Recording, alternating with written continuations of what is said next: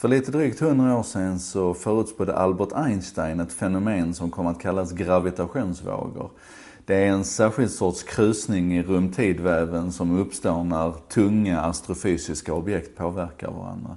För 50 år sedan så kom man på teorin bakom hur man skulle kunna mäta det här. För 20 år sedan så började man bygga LIGO, som står för Laser Interferometer Gravitational Wave Observatory.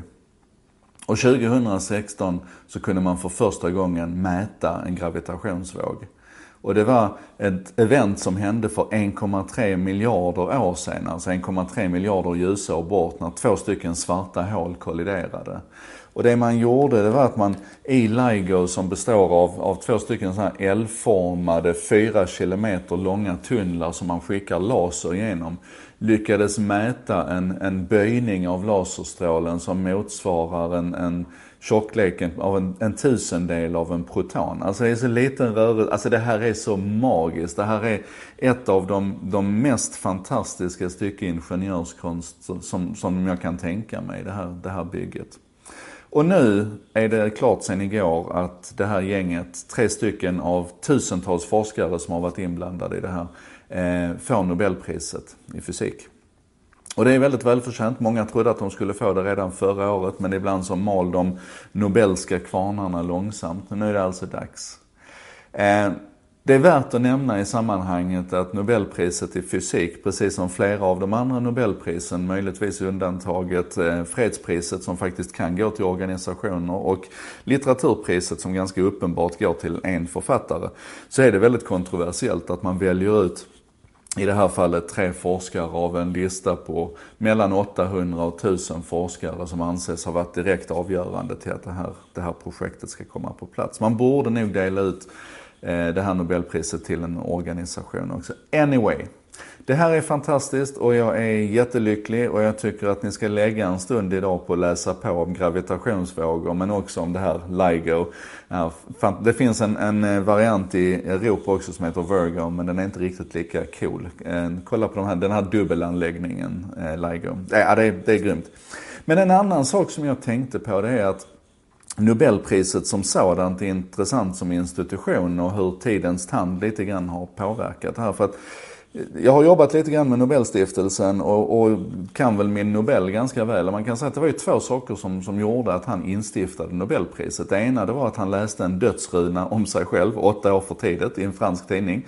Och det var inte en speciellt smickrande dödsruna så att han bestämde sig för att han behövde förbättra bilden av sig själv. Och, och ett sätt att göra det på då, det var ju att han, han tänkte att om han liksom blir instiftaren av det här priset som redan då kunde förutses bli det viktigaste priset i världen inom forskning. Och ja, så, ni förstår.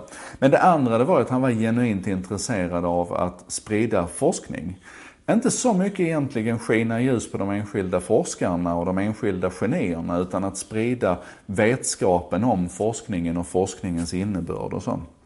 Och för hundra år sedan så sättet att, att göra det på, eller över hundra år sedan sättet att göra det på, det var ju att, att instifta ett pris som tidningar kunde skriva om och som så småningom radio kunde direktsända ifrån och, och det kunde skrivas böcker om. Alltså det behövde paketeras som ett pris för att få spridning. Och så fort webben kom så skapade man naturligtvis en webbplats också för Nobelpriset. Och går man in och tittar på den webbplatsen idag så är inte den bara någonting som lever runt Nobelpriset utan den är en, en levande 24 timmars kunskapskälla. 365 dagar om året så pumpar den ut kunskap om, om forskningens olika områden och innebörd. Och, och den är grym. Kan möjligtvis tycka det är vansinnigt tråkigt att materialet som ligger där inte är Creative Commons licensierat. Men den diskussionen har jag haft med det gänget i många omgångar. Anyway. Um, med Nobel Media alltså som är organisationen som driver, driver den. Eh, och, och, nu igår till exempel så sen, ja, och sen en tid tillbaka så sänder man eh, själva prisutdelningen live på YouTube och det är ett stort event och så. Och det enda jag klurar på här det är liksom hur, hur det på Nobels tid var tvunget att delas ut ett pris för att få fokus och få andra att skriva om en. Medan man idag, 2017, kan äga hela den här spridningen själv. Man kan vara det här egna navet som distribuerar den här, den här kunskapen och det som är själva kärnan i det. Jag bara tycker det där är, det är spännande att tänka liksom hur åtminstone det ena skälet till att Nobel instiftade sitt pris eh, skulle förmodligen ha sett radikalt annorlunda ut. Utkomsten av det skulle sett radikalt annorlunda ut om Nobel hade levt idag. Eh, ja, jag hade gärna haft Nobel till, eh, Alfred Nobel till som middagsgästen en kväll här och kunnat diskutera den här saken med honom. Men nu kan jag inte det så jag får prata med er istället och hoppas att ni är lika, lika fascinerade som jag. Och så läs på om LIGO, L1, svinkult.